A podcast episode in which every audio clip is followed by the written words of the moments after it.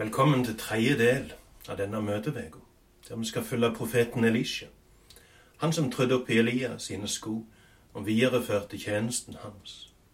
I to tidligere andakter har vi først sett på profeten Elia sin tjeneste, og i går så vi på hvordan Elisha ble kalt, og fikk en del år i lag med Elia, før den gamle profeten ble henta hjem til himmelen i ei eldvogn det er noe utrolig storslagent over måten Elia ender sitt jordiske liv på. Det er som om Gud på denne måten vil gjøre ære på en mann som hele livet sitt hadde levd og virka til Guds ære. Som Gud sier det i første Samuels bok, kapittel 2, vers 30. De som ærer meg, vil jeg ære. At Gud sender en himmelsk limousin for å hente Elia, samsvarer òg med det vi leser i Salme 116, vers 15. Dyrebar i Herrens øyne er hans frommes død. Eller som det står i min nynorske bibel, det koster Herren mykje at hans trugne dør. Elisha trødde opp i Elias sine sko og videreførte tjenesten hans. Og det er påfallende likheter mellom tjenesten til disse to profetene.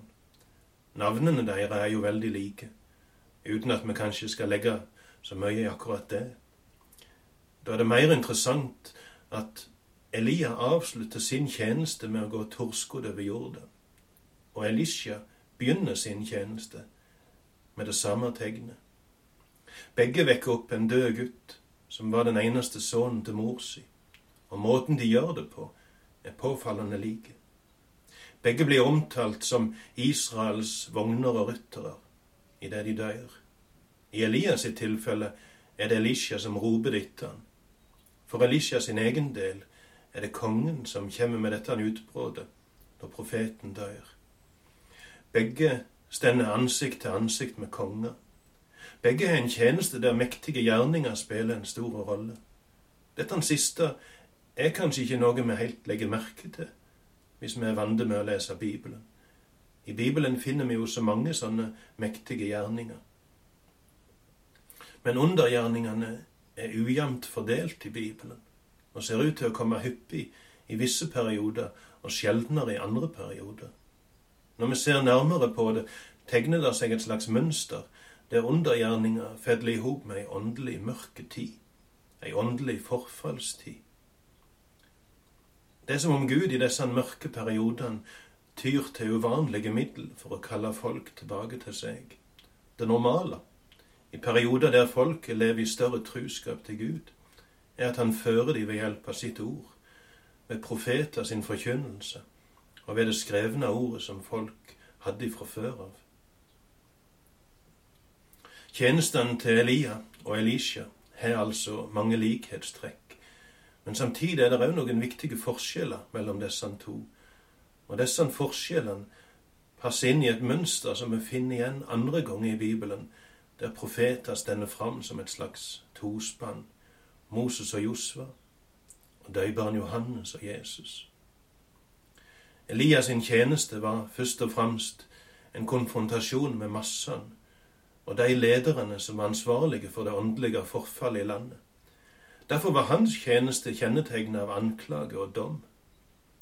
Elisha sin tjeneste var sterkt preget av nåde. Langt på vei kan det passe på Elisha, den karakteristikken som blir brukt om Jesus i apostelgjerningene 10 vers 38. Han gikk rundt og gjorde vel.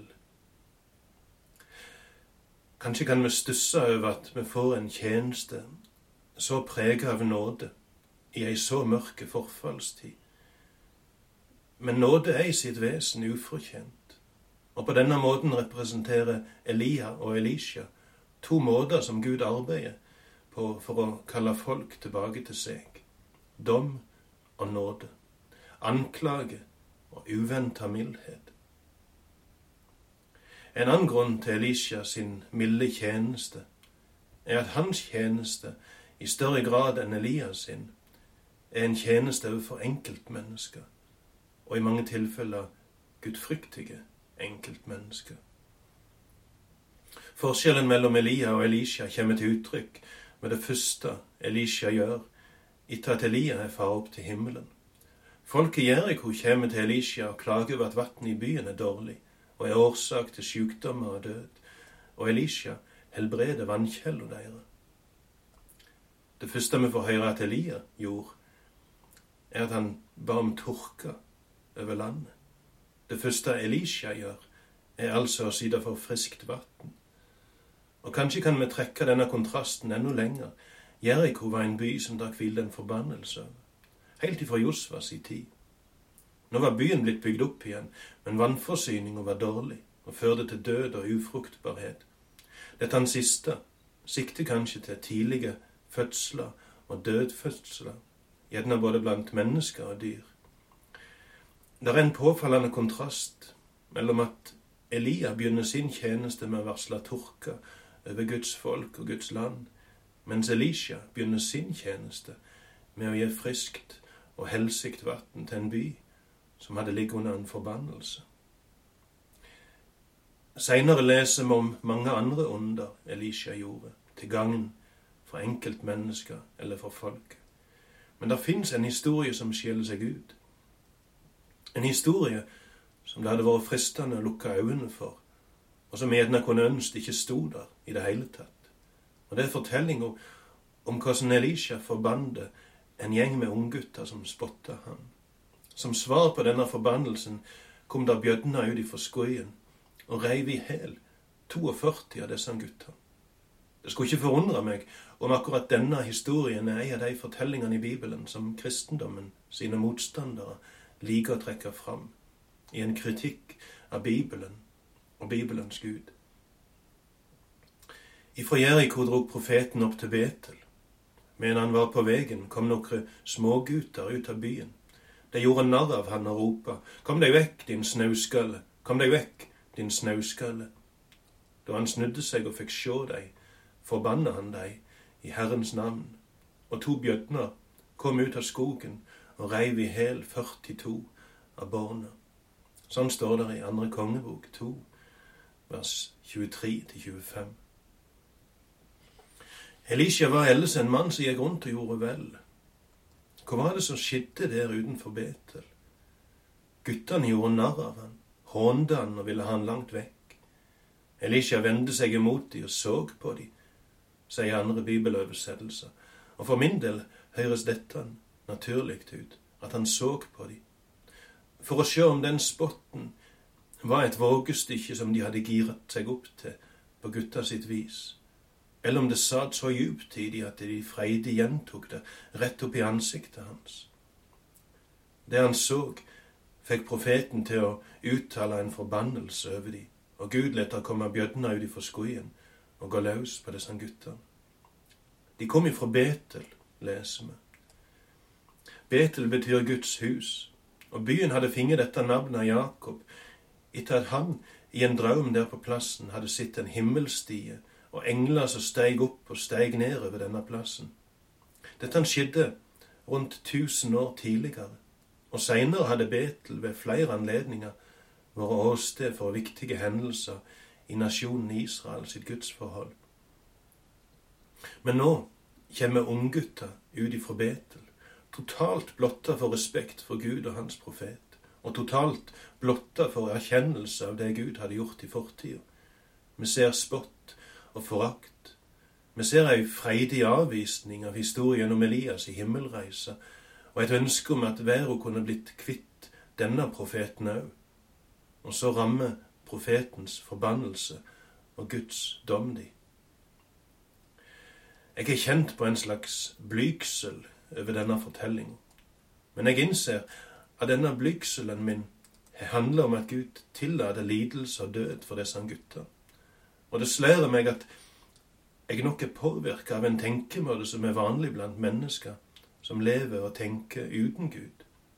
For uten Gud er lidelse og død det største onde som fins. Og Gud, som de da ikke tror på, er ond hvis han tillater lidelse.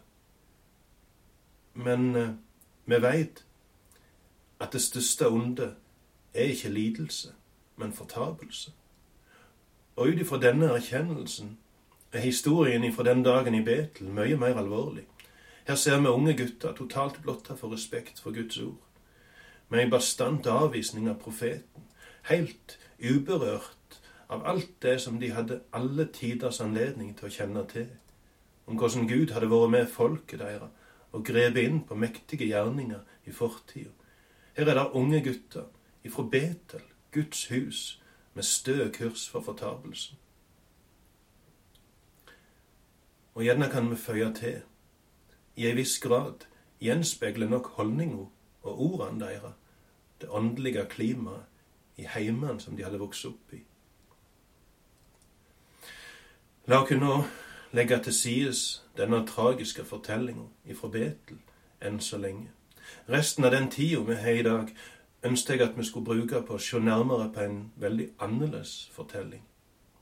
Nå handler det ikke om dom over gudløse ungdommer fra Guds hus, men om en spedalske hedning som fikk hjelp. Sånn sett kan disse to historiene stå som tankevekkende motpoler. Vi skal lese historien om Naaman i andre kongebok 5, vers 1-19. Når Aman, hærføreren til arameerkongen, hadde mykje å seie hos herren sin og var høgt akta, for med hans hjelp hadde Herren gjeve arameerne siger. Mannen var en stor kriger, men han hadde en hudsjukdom.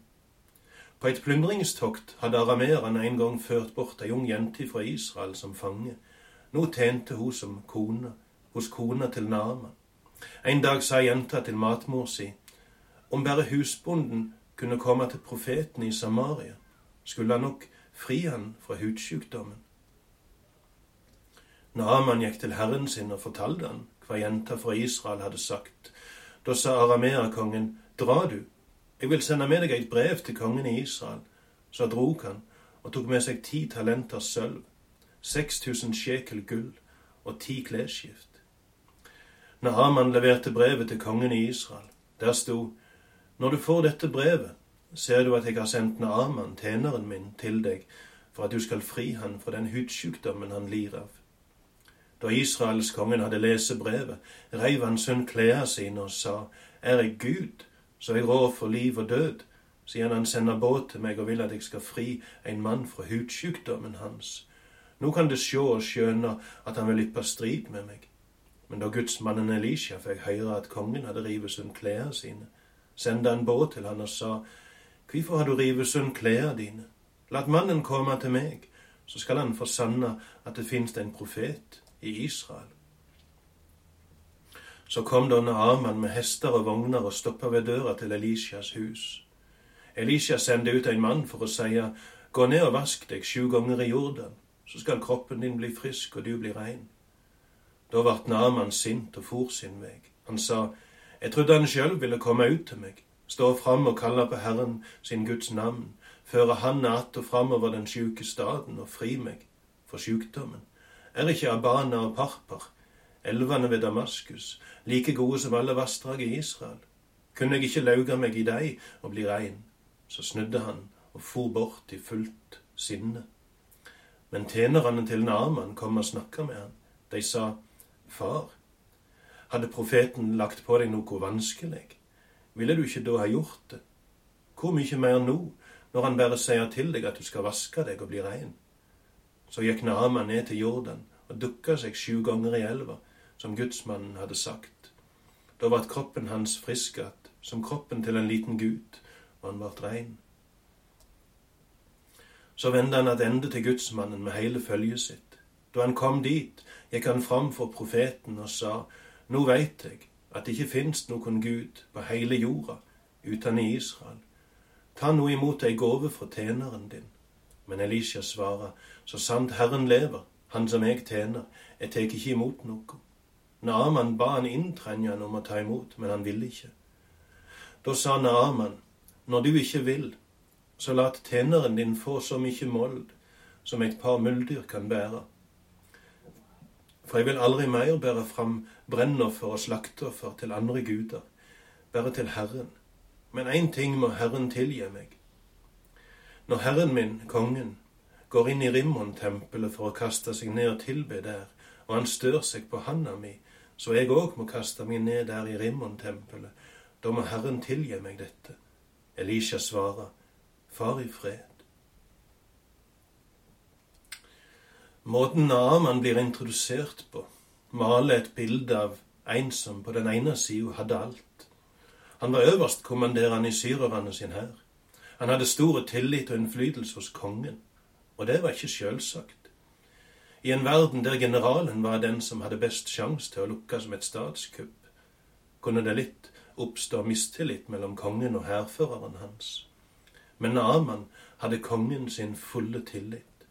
Dessuten var han respektert av folket, for han hadde utmerket seg som en stor kriger, hadde vunnet flere slag, og antagelig på denne måten steget i rang, anseelse, til han til slutt blei øverstkommanderende.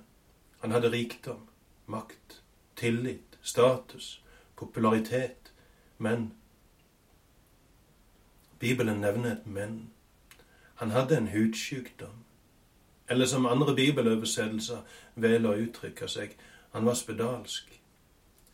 Når disse ulike opplysningene stender der med sida av hverandre, kan det overfladisk sett se ut som om Naaman for det meste hadde et vellukka liv. Rikdom, makt, tillit, status, popularitet, spedalsk. Fem positive og bare én negative ting. Men den som veit noe om spedalskhet, skjønner at det å bli rammet av denne sykdommen er så tragisk at alt det som en ellers måtte ha, eller har opparbeidet seg, blir verdiløst i forhold. En ting vi ser tydelig i Bibelen sine forskrifter knytta til spedalskhet, er kravet om isolasjon.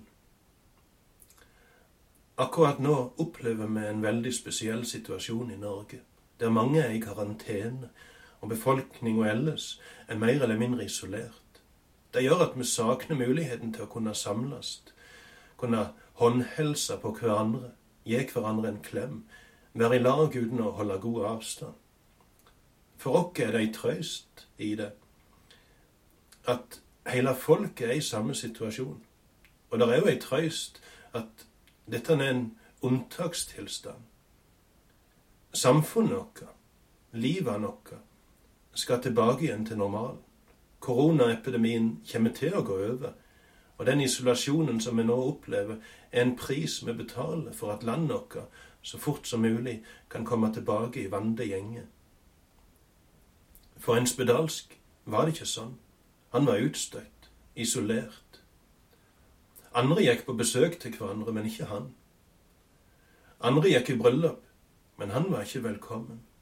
Andre gikk i begravelse, men ikke han. Andre fikk et klapp på aksla eller en klem, men ikke han. Aldri han. Og han kunne ikke trøyste seg med at dette kom til å gå over. Spedalskhet gikk ikke over. Det fantes ingen kur for spedalskhet. Han var levende død. Faktisk har jeg lest at i tidligere tider i Europa, når noen hadde blitt spedalske, ble det arrangert en begravelse for denne personen. Det ble gravet ei grav, og han måtte legge seg nedi. Og så ble det holdt en begravelsesseremoni, og etterpå steig han opp av grava og gikk til den plassen som var reservert som tilholdsplass for spedalske. Ekteskapet ble erklært oppløst. Arven hans ble fordelt. Han var levende død. Spedalskhet er tragisk fordi det skaper en djup isolasjon, djup ensomhet og ingen håp om bedring. Men dette er ikke den eneste mørke sida med spedalskhet. Denne sykdommen angriper kroppsdeler som stikker ut. Fingre, tærne, nesen. Folk med spedalskhet opplever at disse kroppsdelene tæres vekk, råtner vekk. Spedalskhet angriper nervecellen, sånn at folk mister følelsen. En kjenner ikke trang til å blunke, og det fører mange ganger til tap av synet. En kjenner ikke smerte, og Det fører til at en ikke merker infeksjoner. Og disse infeksjonene får utvikle seg til stygge sår, som kanskje ender i amputasjoner. Paul Brandt, en av verdens fremste eksperter på spedalskhet, skildrer flere hjerteskjærende møter med spedalske. Ei dame sto og grilte kjøtt, men et kjøttstykke falt ned mellom grillkålet. Hun prøvde å fiske det opp igjen, men ga seg og vinka i plassen til seg en mann som satt der med sida hennes. Han stakk hendene ned blant grillkålet, rota rundt, løfta opp kjøttstykket og la det på grillrista. Så satte han seg igjen som om ingenting hadde skjedd. Han var spedalsk. Han hadde ikke følelse i hendene. Han visste ikke hvordan det glovarme grillkålet skapte dødt vev i hendene hans. Paul Brand skildrer også smerten hos en unge mann som hadde vært på spedalskklinikken og fikk hjelp med sårene og infeksjonene sine. Han var så glad for framgangen han opplevde, og så ville han hjem på besøk til familien ei helg, så de òg skulle få se at han hadde blitt bedre nå. Men han kom tilbake aldeles knust. I den fattigslige heimen hadde det kommet rotter og ete på fingrene hans om natta mens han lå og sov. Han kjente ingenting, og nå kom han tilbake til klinikken med stygge sår på hendene. Spedalskhet er en forferdelig sykdom. Han begynner veldig forsiktig, med en liten misfarga flekk på huden, og så får han etter hvert enorme følger. Isolasjon, ensomhet. Sykdommen ødelegger mennesket gradvis, tar synet, tærer vekk lemmer, og det er en sykdom som er uhelbredelig, selv om det går an å gi folk hjelp og behandling med de sårene som de får. I Bibelen er spedalskhet et bilde på synd, noe som vi ser av alle forskriftene om renhet og urenhet som ble gitt i forbindelse med denne sykdommen, samt det vi leser om at det er prestene som skal avgjøre om en spedalsk er blitt frisk igjen. Det fantes ikke noe kur for spedalskhet, men det kunne hende at noen ble friske. Enten ved at det ikke egentlig var spedalskhet de hadde vært rammet av, eller ved at Gud greip inn og gjorde et under. Når vi ser på det som særmerker denne sykdommen, ser vi at det er klare likhetstrekk mellom spedalskhet og synd. Synd òg begynner i det små. Synd ødelegger relasjoner og lager et skille mellom folk. Synd isolerer oss, diskvalifiserer oss fra fellesskap med Gud. Synd angriper følelsene våre og samvittigheten vår. Jeg husker at noe mamma advarte oss om da vi var små, var at ulydighet kunne ødelegge samvittigheten. Det hørtes forferdelig skummelt ut, og jeg tror hun har rett. Hvis vi holder fram med det som vi vet er galt, så døyver det den vesle stemmen inni oss, den som minner oss om synd, og til slutt kan det gjøre folk skremmende ufølsomme. På samme måte som spedalskhet uten skikkelig behandling og medisinsk hjelp, kan ødelegge et menneske både følelsesmessig og fysisk, og gjøre et menneske til et tragisk vrak. Sånn kan synd bryte ned et menneske på en tragisk måte. Historien om Naaman er altså ikke historien om en mann som hadde alt utenom gode helse. Det er historien om en mann som var rammet av en sykdom som gjorde at alt det han hadde, framsto verdiløst i forhold. Samtidig er det et bilde på en synder som kommer til Jesus for å søke hjelp. Syrerne hadde bortført ei lita jødiske jente på et plyndringstokt, og hun hadde blitt slave i Naaman sitt hus. Det er tankevekkende å lese om denne jenta. I hennes eget land greip ugudelighet om seg, men her ser vi ei fast og frimodig tru hos ei jente som hadde blitt bortført ifra folket sitt, Guds folk og levde aleine iblant mennesker som ikke kjente Gud. Troa hennes gjør inntrykk. Det samme gjør omtanken hennes for Naman. Vi kunne vente å finne bitterhet og hat hos ei som var bortført ifra sine egne på denne måten, men i plassen ser vi omsorg og et ønske om å hjelpe. De ordene som hun let falle en dag overfor kona i huset, kom Naaman for øyra, og han bar de videre til kongen. Vi veit ikke om kongen sjøl hadde noe tro på at profeten i Samaria kunne hjelpe hærføreren hans. Kanskje var det han gjorde, et hyklerisk forsøk på å ikke ta ifra armen det siste strået av håp. Syrerkongen skrev brev til kongen i Samaria og sendte med Naaman vogner og folk samt gull, sølv og festdrakter til en verdi av over ti millioner kroner. Men kongen i Israel fortvilte da han leste det brevet. Gud og hans makt var ikke en realitet innenfor hans snevre horisont, og han regna med at dette var et påfunn av syrakongen for å få i stand en krig. Hvis kongen i Israel ikke hjalp Naaman, kunne det jo tolkes som et uttrykk for ulydighet og fiendskap og bli brukt som påskudd for krig. Det er utrolig at ikke denne kongen, Joram, tenkte på Elisha. Kong Joram hadde sjøl sett hvordan Gud gjennom profeten Elisha hadde grepet inn på en mektig måte og hjulpet folket sitt. Men da kongen ikke tenkte på Elisha, sendte profeten sjøl bud om at Naman måtte sendes ned til han.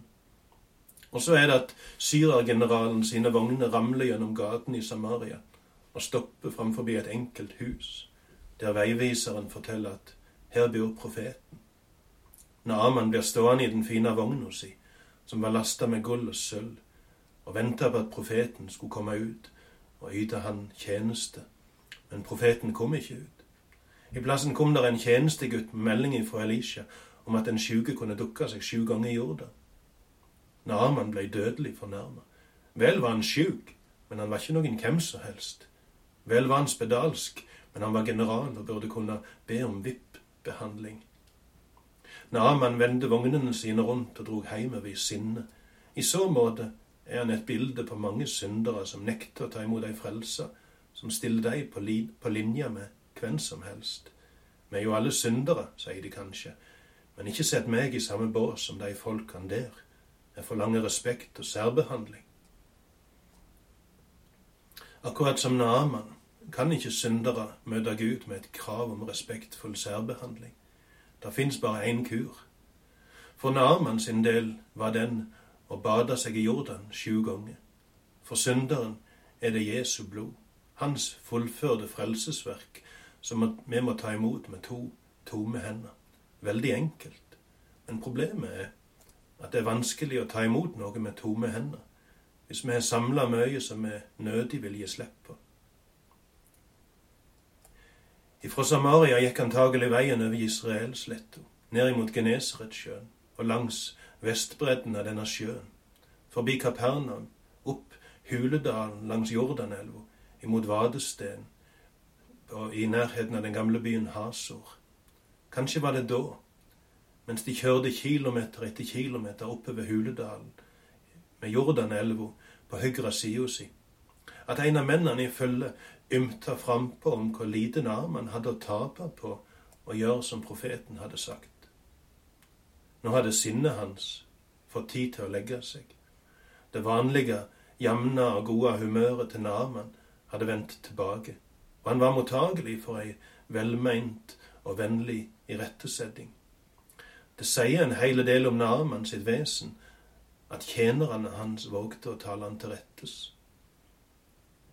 Så er det at han stopper vogna, gjenger ned til elva og dukker seg. Først ei gang, og så ei gang til, så ei gang til.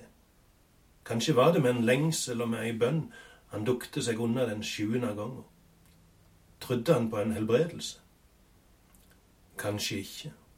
Og kanskje handler det ikke først og fremst om å være overbevist men om vi er villige til å ta Gud på ordet og gjøre sånn som han har sagt. Naaman hadde vendt seg ifra profeten i sinne, men han veldet til slutt lydighet imot profeten sine ord, og for Gud var dette han nok. Naaman ble helbreda, og etter å ha dukka seg den sjuende gangen steg han opp av vatnet med hud som en liten gutt. Et ganske levende bilde på det Bibelen kaller å bli født på ny. Alle sår, alle misfarga hudflekker, alle spor av spedalskhet, var vekke. Han vendte tilbake til Samaria, og denne gangen gikk han ned ifra den høye hesten sin. Denne gangen krevde han ikke VIP-behandling. Han var ikke storkaren som skulle kjøpe seg en helbredelse. Han steig ned og trygla profeten om å ta imot en gave. Men Elisha nekta. Ikke fordi han ikke kunne trenge gaven, men for det var om å gjøre at Naman forsto at Guds nåde, Guds frelse, er gratis. Ikke noe vi kan kjøpe, ikke noe vi kan fortjene, men gratis og ufortjent. Naman ble ikke bare helbredet, han ble òg omvendt. Han innså at bare Israels Gud er Gud, og han ba ydmykt om lov til å få ta med seg jord, så han i heimlandet kunne bygge et alter på jord fra Guds land og tilbe Israels Gud der. Her var ikke det noen planer om en hemmelig, privat tru. Det alteret kom til å være synlig for folk, og der, hos Elisha, bekjente han trua si i påhør av alle de som fulgte han. Han så òg langt fram og så at det ville komme vanskelige situasjoner. Som hærfører var han forplikta til å følge kongen, òg når kongen gikk inn i avgudstempelet for å tilbe, og Naaman sitt, sin samvittighet og hans nyutsprungne lojalitet imot Israels Gud gjør at han ber om forståelse for at han kommer til å være nødt til å følge kongen inn i et avgudstempel. En hedning som bøyer seg for Israels Gud og erkjenner at bare han er Gud. En syrer som er villig til å leve ut denne nye trua si offentlig, og som ber om veiledning og forståelse for at han vil komme til å være nødt til å sette beina sine i et avgudstempel. På den andre sida, i Betel, Guds hus, møter med gudløshet og forakt for profeten og hans ord. I Guds hus rammer forbannelse og dom. Blant hedninger i Syria ser vi respekt for Guds profet, og vi ser en mann i nød som kommer langveis for å søke hjelp, og det ender med helbredelse og frelse for han. Det er tankevekkende at Norge kan sies å ha mange likhetstrekk med Betel. Vi òg kan se tilbake på en tusenårig historie der Gud har vært kjent. Vi har god anledning til å kjenne Gud og høre Hans ord. Vi har gudfryktige mennesker iblant oss. Men her i Norge er det ikke uvanlig å se forakt for Gud og Hans ord. Og samtidig ser vi mange flyktninger som er kommet hele veien fra Syria, og som kommer til tro på Jesus her i landet vårt. La oss be om at vi ikke blir rammet av Guds dom sånn som guttene i Betel, men at Norge kan ydmyke seg for Gud og ta imot den enkle frelsesveien som Han byr oss. Klippe du som brast for meg, la meg gjemme meg i deg. La det vann og blod som går fra din sides åpne sår, bli for meg en helseflod som gjør sjelen ren og god. Intet godt jeg bringer deg, til ditt kors jeg klynger meg. Naken jeg om kleder ber, hjelpeløs til nåden ser. Uren flyr jeg til ditt blod, rens meg, frelser, i den flod. Amen.